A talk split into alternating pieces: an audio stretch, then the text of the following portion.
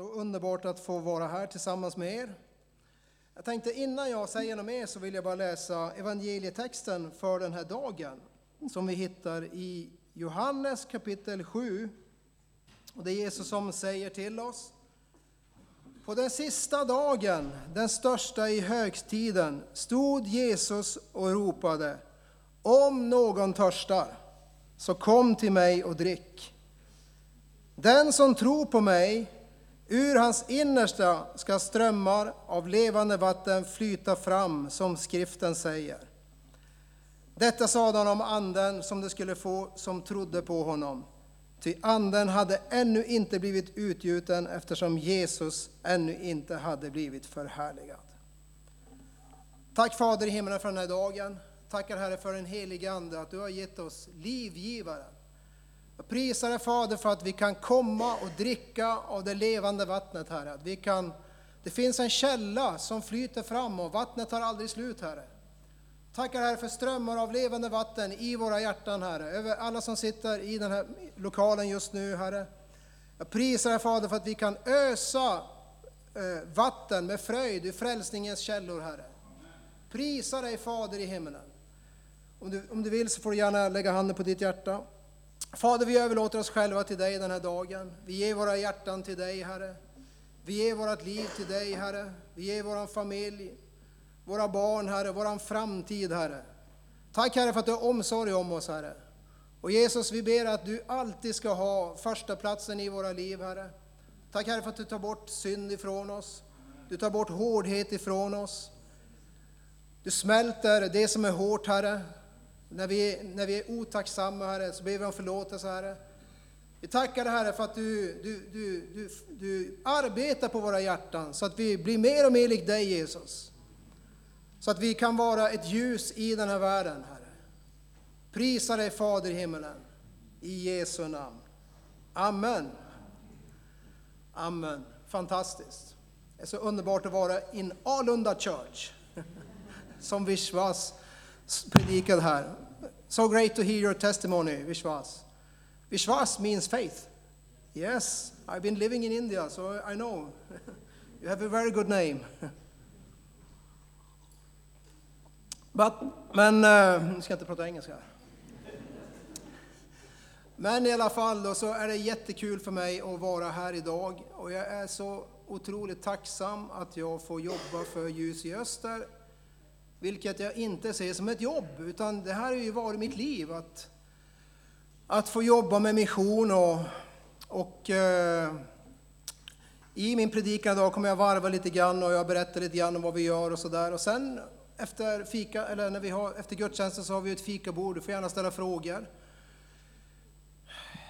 Jag kan nämna i höst så skulle jag tycka det vore jättekul, vi firar 120 år i missionens tjänst. Inte inte 20, utan 120 år har Ljus i Öster tuggat på som en fin gammal dieselmotor. Jag vet inte om, om Scania eller Volvo eller Mercedes. Men den har bara tuggat på år ut och år in och spridit ljus över den här världen. Och jag tycker det är faktiskt är fantastiskt. Så den 21 oktober, den lördag, då ska vi fira det här i Uppsala. Det är bara tre mil dit. Och då kommer, vi ha, då kommer du få höra från de olika fälten som vi jobbar i. Eh, det kommer vara konsert med Samuel Ljungblad. Vi kommer ha mycket härliga talare. Vi bjuder alla på tårta. Det skulle vara kul om Tribe of Judah kunde rulla in där med lite motorcyklar. så, att det, så att det mullrar lite grann. Eh, men i alla fall, då, då är ni jättevälkomna dit, att, att komma till oss. Eh, jag har ett litet bokbord där ute. Vi har en tidning som vi ger ut. Och eh, vi har en, vi har en, vi har en liten drive nu. Vi vill, vi vill bygga upp vårt medlemskap. Vi, vill, eh, vi önskar att många kan bli medlemmar i Ljus Öster och på så sätt stödja vårt arbete. Det kostar 200 kronor per år, så det är ingen, ingen farlig summa. Och idag är det faktiskt så att om du blir medlem så får du en bok av mig. Och den här boken kostar 200. Så du, du, och den här är helt nyskriven. Den handlar om hur väckelsen i Mongoliet spreds. Just Öster eh, var med och sände ut ett ungt par som åkte till Mongoliet i början på 90-talet. Och ur det arbetet så har det vuxit fram mer än 47 församlingar i Mongoliet. Och här kan du läsa deras berättelse, du kan läsa historien om vad de fick vara med om där. Och eh, som sagt, om du blir medlem så kan du ta en bok, det finns där nere. Jag har några andra böcker också som du kan ta om du, om du vill ha en annan bok.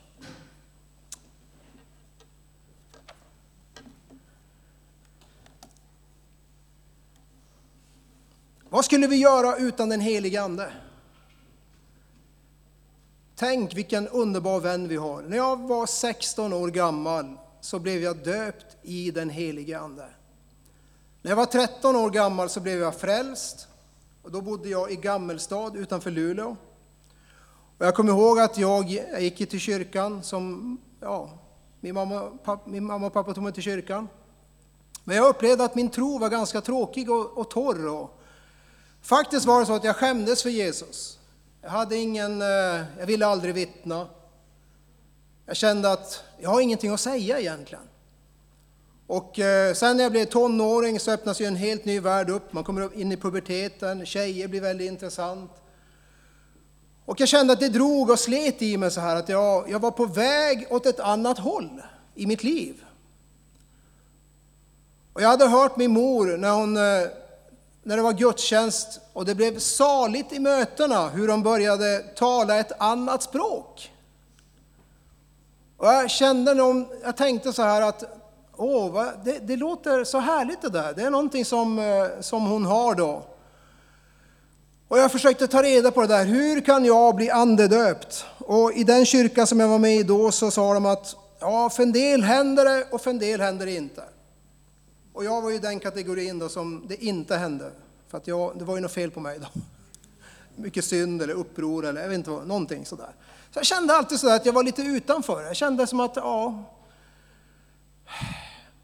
men sen var jag på ett annat möte, då var det en annan predikant där. Och det här var ju nu när jag var 16 år gammal då, så sa han att den helige ande är för alla människor. Och när jag sitter där och är 16 år så tänker jag, men vilken bibel läser han ifrån? Här, har jag hört, här säger de att det är bara för vissa. Och helt plötsligt hör jag här att det är för alla. Så helt plötsligt när jag sitter där i gudstjänsten så blir jag jätteglad. Jag tänkte yes, det är för mig också. Och sen då så gick jag fram för förbön. Och eh, jag flög inte iväg. Jag fick inte, eh, no, håret stod inte upp på armarna, det krusade sig inte i nacken. Men jag kände att någonting hände i mitt liv. Sen kom jag hem på kvällen och min mamma hade nybäddat. Min mamma dog för två veckor sedan nu. Men min mamma var sån där som, du vet, hon, hon manglade lakan. Hon var så old school. Så jag kommer alltid ihåg när det var nybäddat i sängen. Det var ju en fröjd att lägga sig när mor hade, hade bäddat sängen med nybäddade och du vet, så här, manglade lakan. Det var lite kallt sådär. Jag vet inte om ni, har ni varit med om manglade lakan någon gång? Är det någon som manglar lakan fortfarande här? Amen. Vi som är, ja, jag är inte så ung längre, men ungdomar idag vet inte om det är så många som manglar lakan. Men på den tiden manglade man lakan. Och sen hade den där lilla citrondoften, den här blomsterdoften då. Så kommer jag ihåg att jag la mig ner i den där sängen och kände den där kylan. Jag drog upp täcket över mig och under täcket så börjar jag tala i nya tungor. Fantastiskt. Och jag kände mig, och det var faktiskt så här för mig. Vi har ju alla olika upplevelser av den helige Ande. Jag har min, du har din. För en del blir det starkt, en del känner inte lika mycket. Det är lite olika sådär. Men det som hände för mig var att jag var inte rädd någon längre. Och jag kände mig som världens rikaste person. Helt plötsligt så kände jag att men Jesus, han är ju bäst. Och jag hade aldrig känt det tidigare. Så jag kommer till gymnasiet i Luleå, Hermelinskolan, måndag morgon. Och du vet, alla andra är trötta efter helgen, man var ute och festade. Och... Så kommer jag in där, Piggelin och ropar halleluja! Och alla bara, alla mina klasskompisar bara vänder sig om. Latti, vad har hänt med dig? Ja, jag berättade, jag var på ett möte i helgen och jag blev andedöpt och jag började tala i tungor. De bara, va? Så helt plötsligt så, så det här var inget problem för mig att börja vittna för människor. Jag kände bara att men det här är ju, det här är ju ni, ni måste ju höra mer om Jesus. Och jag hade ju aldrig, jag kommer ihåg när jag var med i, i Elimkyrkan där i Gammelstad, så jag ville ju inte vittna. Jag tyckte att, och tanterna ville ju alltid, men Thomas kan inte du säga någonting? Och jag bara, nej jag kan inte säga någonting. Och jag kommer ihåg de drog mig fram till, till och ville, men säg någonting. Och jag tyckte alltid var, jag blev alltid torr i munnen och det var jobbigt. Och, de tyckte att det var fantastiskt, bara för att jag sa någonting. Men jag tyckte det var hemskt.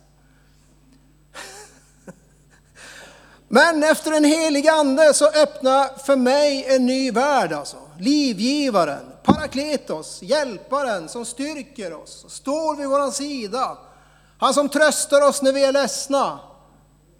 Förstår du vilken, vilken, vilken kraft det finns i den helige ande? Och när jag var i skolan där så bad jag, helt plötsligt började jag be, Gud du kan öppna dörrar här på Hermelinskolan, jag vill ju vittna om dig. Och sen mycket efter ett, ett tag så kom det en tjej och sa till mig, Thomas, vi har hört att du är kristen nu, att du tror på Gud. Skulle du vilja komma till våra klassrum och berätta om din kristna tro? Och jag bara, fantastiskt, det gör jag jättegärna. Så kom jag ihåg, jag gick hem och tänkte, vad ska jag säga för någonting? Jag var ju helt ny på det här. jag var totalt grön alltså. Jag tänkte jag börjar väl med skapelsen då, att Gud har skapat oss. En bra början. Du kommer inte från aporna. Bara det är ju en tung bomb. Jag berättade hur synden kom in i världen. Och sen berättade jag om varför Jesus kom till jorden. Han kom för att frälsa oss.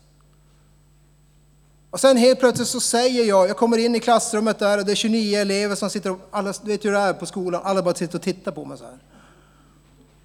Och jag kommer in där i klassrummet och sen säger jag, okej okay, nu ber vi tillsammans. Jag kunde inte höra en, man kunde höra en knappnål falla som bara. Så bad jag att vi ska ha en fin stund tillsammans då. Och sen började jag tala om det här. Det här är alltså första gången jag predikar nu efter att jag är andedöpt. Det är helt sant också. Jag lägger inte till någonting nu, utan det, det var så här. Sen i slutet då så sa jag, ja Jesus, han gör under idag. Och om du är sjuk så vill jag be för dig. Sen när jag säger det så tänker jag, vad är det jag säger? Alltså? Jag har aldrig bett för någon i hela mitt liv. Alltså. Och då var det ju en kille också som räckte upp handen. Jag kommer fortfarande ihåg, på den här tiden, det här var Top Gun-tiden när den första filmen kom, så alla hade ju army cuts. Man kunde landa på huvudet så här. Och då kommer jag ihåg den här killen, han var rödhårig. Och jag sa, han sa, Latti, jag har haft ont i mitt knä i tre månader, kan du be för mig? Ja, visst, så jag kom fram här så ska jag be för dig. Jag gjorde det som att jag hade gjort det här. Det var som, jag hade ju sett någon predikant göra det här, så jag tänkte, ja, men jag kör på bara här. Och sen bad jag för honom. Och sen sa jag till honom, nu ska vi ut och springa i korridoren. Och sen tog jag honom till korridoren, spring nu. Och sen springer han och sen kommer han tillbaka och frågar hur känns det? Och det känns faktiskt bättre, sa han. Men det är lite smärta kvar. Och sen sa jag till honom så här, spring igen, Jesus gör dig frisk. Och sen sprang han igen. Och när han kom tillbaka så var all smärta borta. Det här var alltså första gången jag bad för en sjuk, första gången jag predikade, alltså nu hade jag vittnat lite tidigare då. Och sen efter det här då så vart jag inbjuden till fem andra klasser. Jag kommer ihåg första gången när jag hade, det var dubbel lektion. Klockan ringer, du vet ju det är i skolan när klockan ringer. Alla, på fem sekunder är alla borta bara, bzz, så här. Men här ringde klockan och sa, jag packade ihop mina grejer, och, men var ska du någonstans? men vi är färdiga nu. Nej, du får inte gå, sa de. Vi vill höra mer om det här. Det här, har inte, det här är inte, har ingenting med mig att göra som du förstår, utan det är ju någonting, en gåva som Gud har gett oss. Kraft ifrån höjden. Alltså det, det, det är ju så välsignat. Nu har det gått 40 år sedan jag blev andedöpt. Och varje gång, så, var, faktiskt varje dag så tackar jag Gud för den dagen när jag fick ta emot den helige Ande. När jag fick bli döpt i den helige Ande. För att det, helt plötsligt också med Bibeln. Det var som att läsa en ny bibel. Helt plötsligt var det som att Bibeln började leva. Förut var den ganska tråkig och torr och jag fattade som inte. Och, du vet, jag hade som, helt plötsligt började bibelorden studsa så här. Och jag kände wow, vilken underbar bok. Jag började memorera bibelverser och lärde mig utan till och, och den här tiden för mig var, var, den var helt underbar och jag är tacksam för den fortfarande idag. Sen efter ett tag så fick jag, skulle jag rycka in i lumpen och göra militärtjänstgöring. Och på den tiden var det så att man skulle göra vapenfri tjänst. Och då tänkte jag att nej men det vill inte jag göra, det, det där låter konstigt sa jag. Ja men nu kommer du bli avfällig Latti, det är väldigt tufft i lumpen där. Du, du kommer, du kommer, du, du, gå inte dit. Och när de sa det där så vart jag lite triggad, men det är ju dit jag vill gå. Det är ju dit Gud har kallat oss. Gud kallar dig och mig att gå till mörka platser. Han kallar oss att gå där hans ljus inte finns. Och det är det ljus i öster har gjort i 120 år. Vi går till de platser där man inte har fått höra hans namn. Så jag ryckte in i lumpen. Första kvällen på luckan, 16 grabbar i ett rum. Kan du känna atmosfären? Kan du känna, kan du, kan du känna lukten i det rummet? Jag tog fram Bibeln, det första jag gjorde på kvällen, jag tänkte det är lika bra att köra, det är lika bra att köra igång igen här. Direkt alltså. Ingen, skäms inte nu, bara ta fram Bibeln och läs den. Första kvällen på luckan så låg jag där, jag hade underslaf, tog jag fram Bibeln. Jag hann inte med att ta fram den. Latti, vad läser du? ja, jag läser Bibeln. Ja, men varför läser du Bibeln? Ja, men jag tror på Jesus. Ja, men varför tror du på Jesus? Ja, men han är bäst. Han har förvandlat mitt liv. Och där och då så fick jag berätta vem jag Sen fick jag, jag vart som en, du vet i den åldern när man är i 20 år och, och, och kille sådär och jag tror inte att det var någon tjej som gjorde lumpen då. Men man är en sökare, du vet man är väldigt känslig i den åldern. Och så kommer jag och flyger in med en bibel där. De hade andra, du vet hur det är, de har porrtidningar och alla de här sakerna som pågår. Jag tänkte läs din porrtidning du, jag, jag läser min bibel. Eh, och jag kommer ihåg att de frågade mig frågor. Och jag hade en kille som alltid, han var tyken mot mig. Så här. Ja, han svor alltid när han skulle presentera mig. Ja, det här är Latti, han är en kristen jävel. Ett helt år hörde jag det där. Ja, det här är Latti, han är, han är en kristen. Mm -hmm. Så jag tänkte bara, Gud välsigne dig. Men jag bad till Gud att han skulle öppna dörrar. Vid jul så kallar översten på mig. Bo Pellnäs. Han ser ut som Lars. Ja, men du vet så här, lite pondus. Medaljer överallt. Lite så här, det här vrålet som du hörde, det här lejonvrålet. Det är ju skönt med sådana människor, men det är därför man är överste. Man kan ju inte vara sån här mjau. Det går inte alltså, det blir inget bra alltså. Så jag kommer ihåg, ja, du Latti, översten vill prata med dig. Och jag bara tänkte, vad vill översten mig alltså? Och började tänka, jag har gjort något fel, jag började gå igenom så här. För han är ju alltså högst då. Så jag putsar mina dojor, fixar frillan. Du vet, man går igenom sina, sin utrustning. Så står jag på hans kontor där i vakt. Och han bara, manöver! Oh, tack och lov, tänkte jag. Ja, Latti, jag har hört att du är kristen, stämmer det? Och då när han sa det började jag tänka, stämmer det? är jag verkligen kristen? ja, då sa jag, ja det är jag. Ja, det är så här nu att vi ska ha julfirande här. Och vi ska ha det i landskyrkan här i Boden. Och jag tänkte höra om du vill säga någonting till oss. Och jag tänkte, vill, sa han verkligen det här nu alltså? Ja, men det gör jag jättegärna, sa jag. Och när han sa det så vart jag inte rädd, utan jag bara kände att det var någonting som bubblade på insidan. Så här. Glädje. Tänk att jag fick tala där. Jag kommer in i kyrkan där och där sitter Honkama och massa, första raden var så här löjtnant, kaptener, överstelöjtnant, översten. Och sen var det 800 soldater. Och sen läser jag om Herrens ande är över mig. Han har smort mig, han har sänt mig till att predika frihet för de fångna, syn för de blinda och ett nådens år från Herren. Och sen berättar jag varför Jesus kom till jorden. Sen bara bad jag för alla att önska dem en god jul och sådär. Sen kom jag tillbaka till min lucka då, där jag, till mitt kompani, vi var 200 soldater. Alla stod uppställda. Så kommer kaptenen in efter vi hade haft den här gudstjänsten. Och sen inför alla så säger han så här. Bra tal i kyrkan Latti! Och sen applåderar alla. Det här är också en grej som jag, det är inte på grund av mig alltså, utan det är bara att Jesus, jag, jag finns tillgänglig här. Jag vill vara ditt vittne, jag vill sprida ditt ljus. Och när jag var ung så sjöng jag den här sången. Jesus, här är jag, sänd mig. Jesus, här är jag, sänd mig.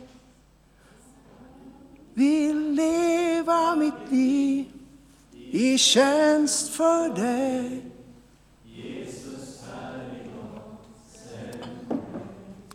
Ja. Och Jesus han hör ju, det här är ju inte bara en sång också, det är en bön.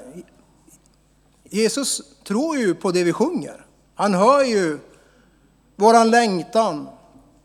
Och jag bestämde mig för att jag sa till Gud så här, jag sa, Gud jag är inte, jag är inte bäst, jag, jag, kan inte, du vet, men jag är villig. Jag är villig att tjäna dig. Jag är villig att låta det här ljuset som du har gett mig spridas ut i den här världen. Och det har fört mig på en resa då. Jag är gift med Anna, vi har fem barn. Och vi blev kallade till Indien. Vi flyttade till Indien i 1999. Jag sitter i mitt rum i Rasbo. Heligandes närvaro kommer in i rummet. Och jag hör en stilla röst så här. Thomas, vill du flytta till Indien? Jag kan fortfarande känna Guds närvaro när jag hör det där. Och jag visste att det var Gud. Därför att det var mer än bara en tanke. Det var som att någonting lades på mitt hjärta. Och jag sa till Gud, jag är villig.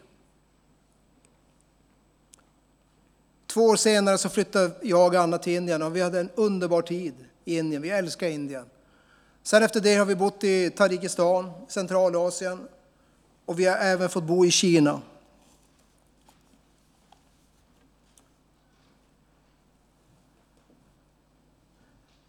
Jag älskar Jesus, jag älskar den helige Ande. Och jag, min bön är att vi alla här ska få känna livgivaren. Jag tänker på er som är unga här idag. Så fint att se ungdomar i kyrkan. Min bön är att ni också ska få känna den här att, att den helige Ande blir verklig för er. Bibeln blir verklig för er. Att ni känner att ni har det här ljuset som ni, att ni får vara ett ljus i mörkret. Att inte skämmas för Jesus.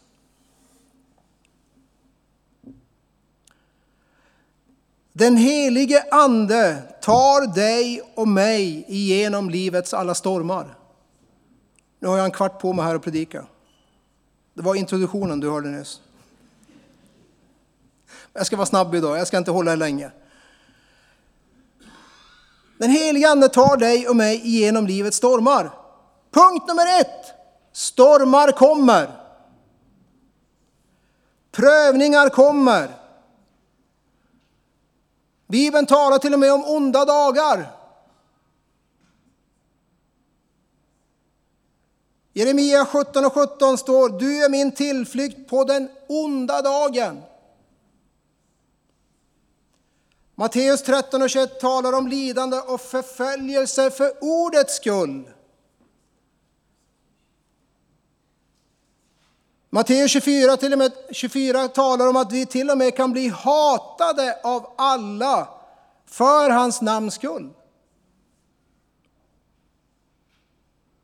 Andra Korinthierbrevet 6 talar om nöd och ångest, hugg och slag, fångenskap, nattvak och svält. Vi är bedrövade men alltid glada. Vi är utbluttade på allt men äger allt. Så prövningar och lidanden, förföljelser, det är en del av paketet. Det ingår. Jag var i Uzbekistan nu. Vi har, Jussi Öster har jobbat i Uzbekistan i mer än 20 år. Jag kommer ihåg första gången jag var i Uzbekistan så var det en ledare, hette Islam Karimov. Kan du tänka dig att heta Islam? Vad är ditt namn? Jag heter Islam. Och han, var en, han var ju en diktator och styrde landet väldigt hårt muslimskt. Och jag kommer ihåg den kristna församlingen hölls i fångenskap. Alltså det var, det var, man kände som att när man kom in i landet så var det nästan som att man fysiskt hade svårt att andas. För det var tryggt där. Men vet du vad? Guds ord förvandlar. Den här boken är inte vilken bok som helst. Det finns kraft i Guds ord. Och länder som har varit stängda, länder som har varit svåra, helt plötsligt förvandlas de.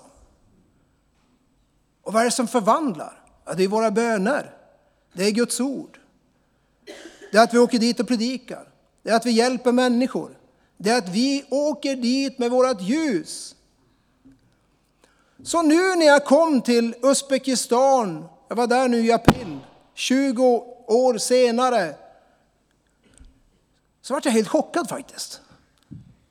Så fort jag kom in i landet bara kunde jag, kunde jag andas. Jag tänkte, vad är det som har hänt? Jag träffade fyra församlingar som vi har hjälpt.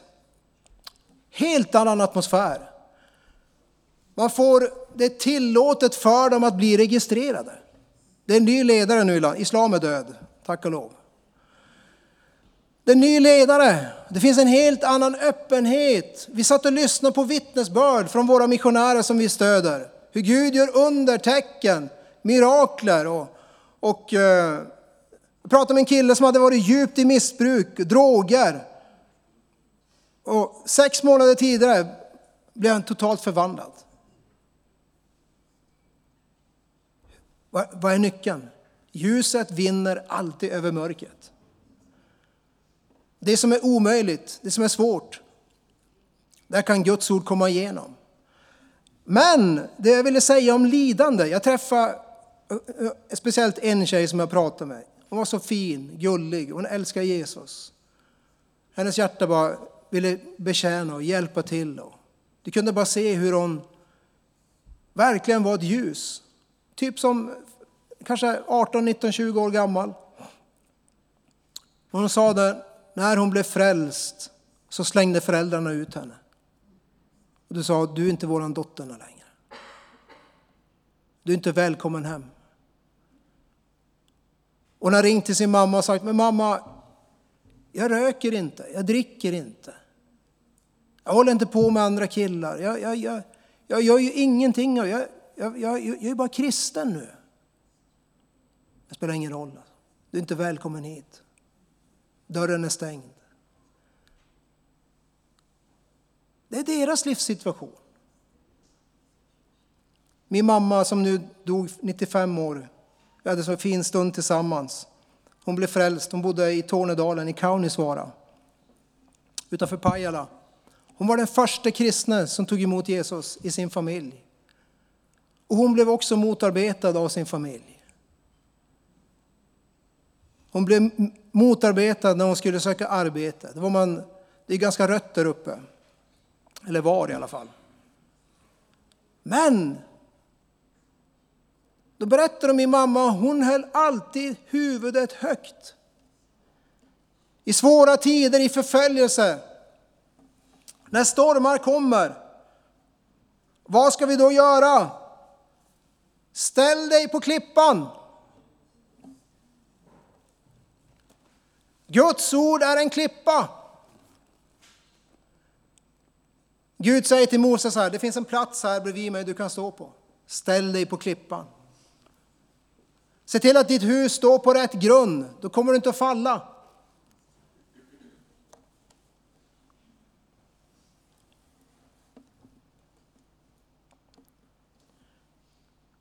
En annan sak vi måste förstå är att en storm varar inte för evigt.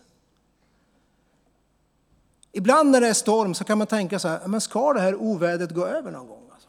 Kommer vi någonsin se den blåa himlen igen? Jag vet inte om du har fjällvandrat någon gång och det, det är bara pissväder, ursäkta uttrycket då, men det är bara, det är bara dåligt väder. Alltså du tänker att blir det bättre någon gång? Men det är faktiskt så, efter ett tag så, så, så, så går stormen över. I Markus kapitel 4, jag vill läsa den bibelversen också, vi har lite tid kvar här. Jag är inte klar än. Markus kapitel 4. Det är en klassisk berättelse. Jesus är med lärjungarna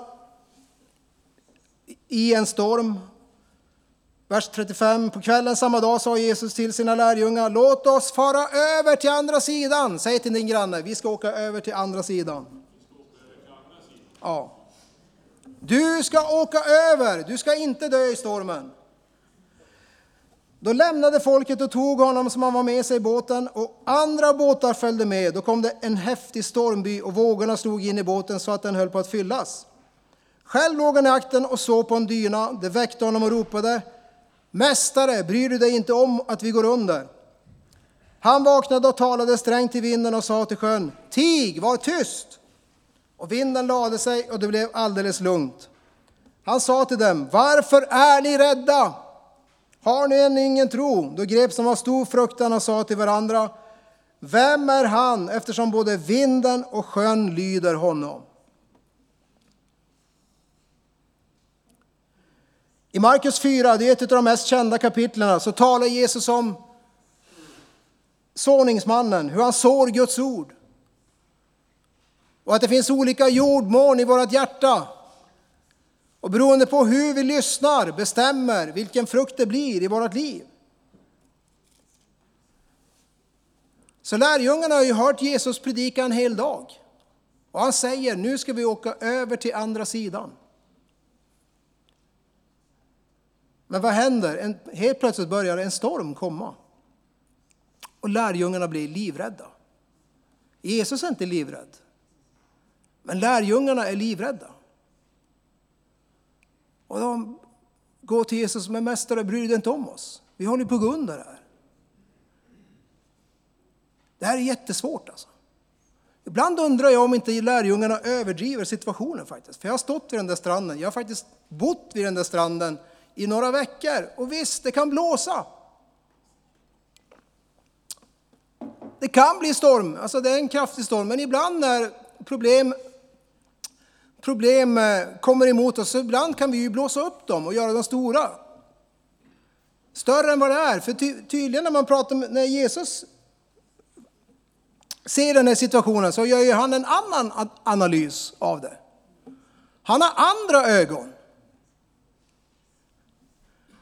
Och säger varför är ni så rädda?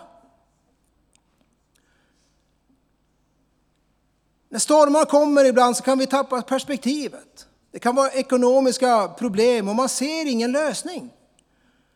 Men vet du vad, då kanske du har någon i din närhet som kan hjälpa dig att se på situationen på ett nyktert sätt. Ja, men det här är inte så farligt, du kommer igenom. Det finns en lösning på det här. Kanske har problem i äktenskapet, bråkar och så att det händer grejer och så att ja, vi måste skilja oss. Ja, men kanske inte finns, det kanske inte är det som är lösningen. Ni kanske blåser upp det här, att det är för stort kanske finns en annan väg ut ur det här.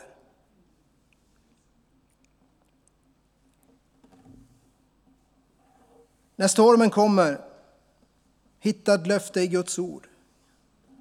Gå till Bibeln. Guds ord är en klippa som du kan stå på. Vad gjorde Jesus här? Han vaknade och talade strängt till vinden och sa till sjön, tig, var tyst. Och vinden lade sig och det blev alldeles lugnt.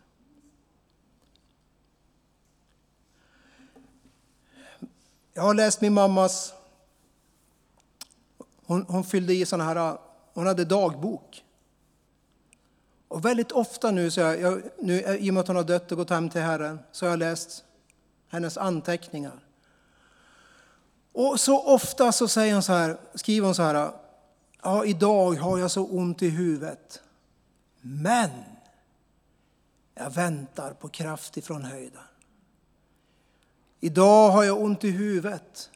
Men jag väntar, men jag väntar på att Herren ska ge mig nya vingfjädrar. Bibeln säger att den rättfärdige måste lida mycket. Men, hur är fortsättningen? Herren räddar honom ur allt. Försök att lägga till men när du hamnar i en storm. Ja, det stormar nu, det är lite svårt, men jag tror att Gud ska hjälpa mig igenom. Ja, det är lite bökigt nu i företaget, vi har lite utmaningar, men jag tror på bättre tider. Det är ganska bra att ha en positiv bekännelse. Därför att det är faktiskt så att med våran mun så skapar vi atmosfär. Och jag har ju varit gift nu i 30 år och jag inser att om jag vill ha bra atmosfär i mitt hem så är det mycket på hur jag talar. Om jag säger till min fru, älskling, jag älskar dig. Helt plötsligt, ny atmosfär. Men om jag är som en hund som skäller, uff, uff, uff. Det är inget bra alltså. Så vi skapar mycket med våran mun och hur vi talar. Och Jesus talade till stormen och du och jag kan också använda våran mun och tala. Liv och död har tungan i sitt våld, säger Bibeln. Spejarna som såg jättarna, tio av dem sa vi kommer dö. Två av dem sa vi kan segra över dem. Jag kommer ihåg vi hade en kille i lumpen. Vi, var sex, vi hade sådana olika övningar, gruppövningar man skulle göra. Vi var sex stycken. Och det var en kille då som alltid oja. Alltid bara, värdelöst, fy vad jobbigt. Drog ner hela moralen i gruppen. Så till slut fick vi hoppa på honom. Sen du lägger du av med det där. Ska du vara med i den här gruppen får du ändra hur du talar. Det sista jag vill säga till dig. Jesus och lärjungarna kommer igenom stormen. Och den helige Ande han kommer hjälpa dig och mig genom livets stormar. När du kommer igenom stormen så kan du och jag hjälpa någon annan. För vad är det som händer? Varför ville Jesus åka över till andra sidan? Jo, där fanns en galen människa som ingen ville vara med. De kom till ett land där det var en galen man som kedjade sig och befanns bland gravarna. Och, ja, man bara, ingen ville vara där med honom, men Jesus ville det. Det finns en man där på andra sidan som behöver vår hjälp. Jesus befriade honom. Stormar är en del av livet. Svårigheter, problem, men när du och jag kommer igenom livets stormar så kan, så kan vi vara till en välsignelse för alla andra. Jag tänkte så här att vi skulle be tillsammans. Och jag vill fråga dig nu när vi ber om du, vill, om det är någon som känner så här, Thomas be för mig. Vi kan alla blunda så här. Och om du känner så här, Thomas jag har en jättestorm i mitt liv just nu. Det kan vara ekonomiskt, det kan vara äktenskapet. Så får du gärna lyfta upp din hand så, så kan, vi, kan vi be för dig. Gud välsigne dig, Gud välsigne dig, Gud välsigne dig och dig och dig och dig och dig. Fader i himmelen, tackar Herre för att du ser alla som lyfter sina händer just nu, Herre. Heligande, du vet exakt vad det är för situation, Herre. Och jag tackar att vi kan tala till den här stormen i relationen. Tig, var stilla. Tala till den här ekonomiska situationen. Tig, var stilla i Jesu namn. Prisa dig Fader i himlen för att det finns en lösning. Kilamadassi Kiela Maria. Åh, jag bara prisar dig Fader i himlen. Jag prisar dig Fader i himlen. Tackar för att det finns en klippa vi kan stå på Herre. Åh, jag prisar dig Fader i himmelen. I Jesu namn. Att du inte lämnar oss eller överger oss. Utan du har sagt att du ska vara med oss alla dagar in till tidens slut. I Jesu namn. Amen.